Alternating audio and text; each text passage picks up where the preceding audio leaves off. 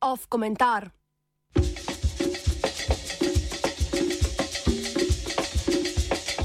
Slovenska šimpanz diplomacija.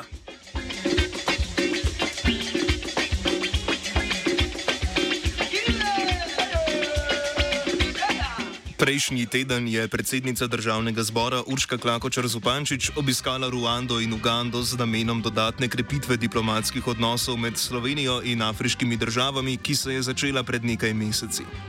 Seveda ne kar tako, temveč zato, ker bodo te imele ključno vlogo pri odločitvi, ali bo nestalna članica Varnostnega sveta Združenih narodov med letoma 2024 in 2025 postala Slovenija ali Belorusija.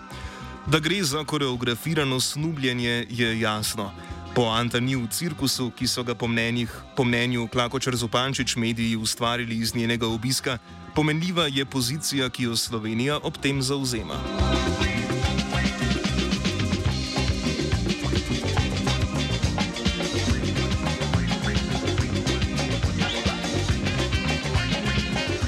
Predsednica državnega zbora ni edina, ki se je podala na diplomatski izlet v Afriko. Posebni odposlanec Franci Blut po Afriki leti že dlje časa. Samuel Žbogar, državni sekretar na Ministrstvu za zunanje zadeve, je obiskal Botsvano in Namibijo. Na zadnje pa je še zunanja ministrica Tanja Fajon na zasedanju Organizacije afriških, karibskih in pacifiških držav imela govor o kandidaturi Slovenije za članstvo v varnostnem svetu in s predstavniki več afriških držav izvedla dvostranska srečanja. Ministrica je dejala, da je Afrika celina, ki je zelo pomembna, ponuja številne priložnosti. Beseda nam, ki označuje Slovenijo in širši zahodni svet, je ostala zamolčana. Tako imenovane številne priložnosti med drugim vključujejo dobavo poceni nafte in zemljskega plina, posebej po prekinitvi dobave iz Rusije zaradi evropskih sankcij in vojne v Ukrajini. Tak primer je Alžirija, kjer se je politični in gospodarski vrh zaradi plinskega posla mudil že lani, pri njej pa Slovenija vzpostavlja veleposlaništvo.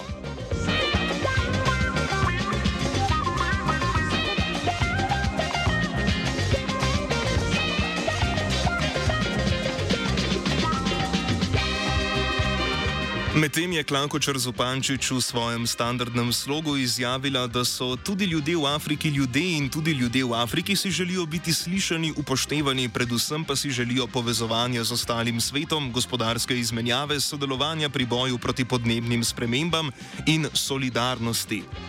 Raven diskurza, na kateri se govorki zdi, da je treba poudarjati človeškost Afričanov, izhaja iz evropskega rasizma, s katerim se upravičuje imperializem in kolonializem.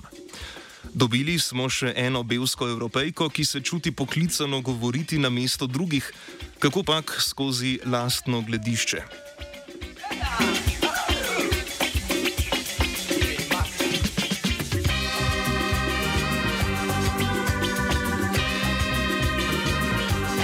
Afrika od sveta ni odrezana, ampak je zaradi evropskega in širšega zahodnega podrejanja nenehno v položaju, v katerem kolonizatorske države zaradi lastnega profita onemogočajo razvoj. Tako lahko razumemo tudi slovensko lobiranje za glasove afriških držav, saj Slovenija v skladu z doslej neobstoječo zunanjo politiko v Afriki ne bo zastopala interesov držav, katerih glasove tako močno želi in se trudi dobiti. To potrjuje tudi izjava Tanja Fajon. In nobena od afriških držav ni politično nepomembna, sploh ne v luči lobiranja za glasove za nestalni sedež v varnostnem svetu OZN. Afriške države so postale politično pomembne v trenutku, ko lahko od tega profitiramo. Predtem jih niti ošvrknili nismo. Kar naenkrat na Brdu pri Kranju organiziramo Dan Afrike.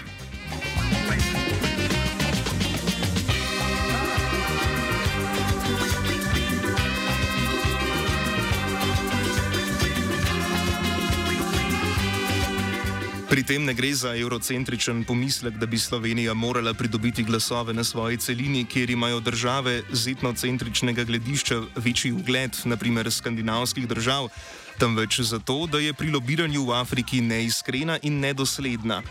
Z obiski pa je krepi diplomatske odnose, a Slovenija ima v Afriki manj diplomatskih predstavništv in konzulatov kot na katerikoli drugi celini, le sedem. Stalne stike ima v Alžiriji, Libiji, Maroku, Tuniziji, Egiptu, Etiopiji in Južni Afriki. Poleg Alžirije odpira veleposlaništvo le še v Etiopiji.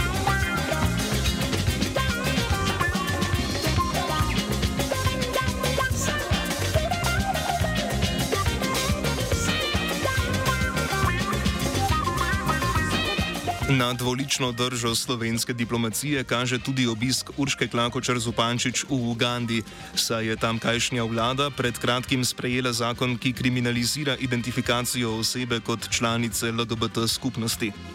Že dalj časa je v veljavi tudi zakon, ki na smrtno kazen obsoja osebe, ki imajo homoseksualne spolne odnose.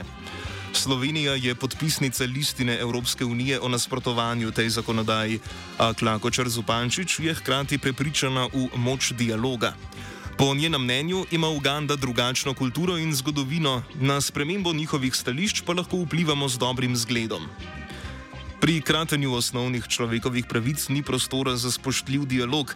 Prav v tem razkoraku se razkrije nedoslednost liberalizma pri zagotavljanju osebnih svoboščin.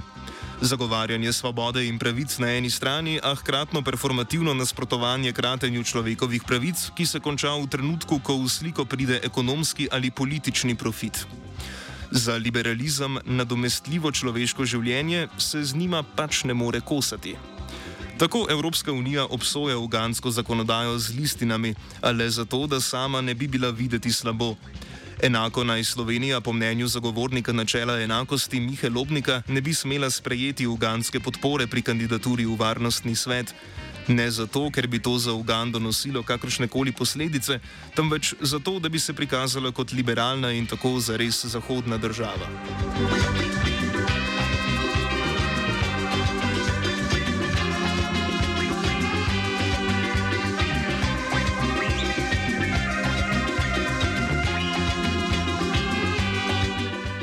Nedosledno se Slovenija ob iskanju zavezništva v afriških državah zanaša na svojo zgodovinsko neomadeževanost in visok ugled zaradi jugoslovanske neuvrščenosti.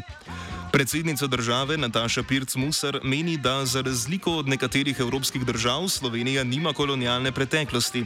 Predvsem pa nam afriške države, na katerih se najbolj intenzivno dela, nimajo kaj zameriti. A dejstvo je, da se je položaj Slovenije v mednarodni politiki od časa jugoslovanske neuvrščenosti korenito spremenil. Medtem ko pri afriških državah igra, igra na karto neuvrščenosti, se drugot trmasto otepa vsakršne sledi svoje zgodovine. Da je naša preteklost za Afriko nesporna, je ena stvar. Nekdanja neuvrščenost bi lahko bila celo prednost, vendar smo jo seveda davno zavrgli. V interesih katerih imperialistov deluje Slovenija na srečanjih s predstavniki afriških držav in v interesu koga je že slovenska protikandidatura Belorusiji sama po sebi, pa je nekaj popolnoma drugega.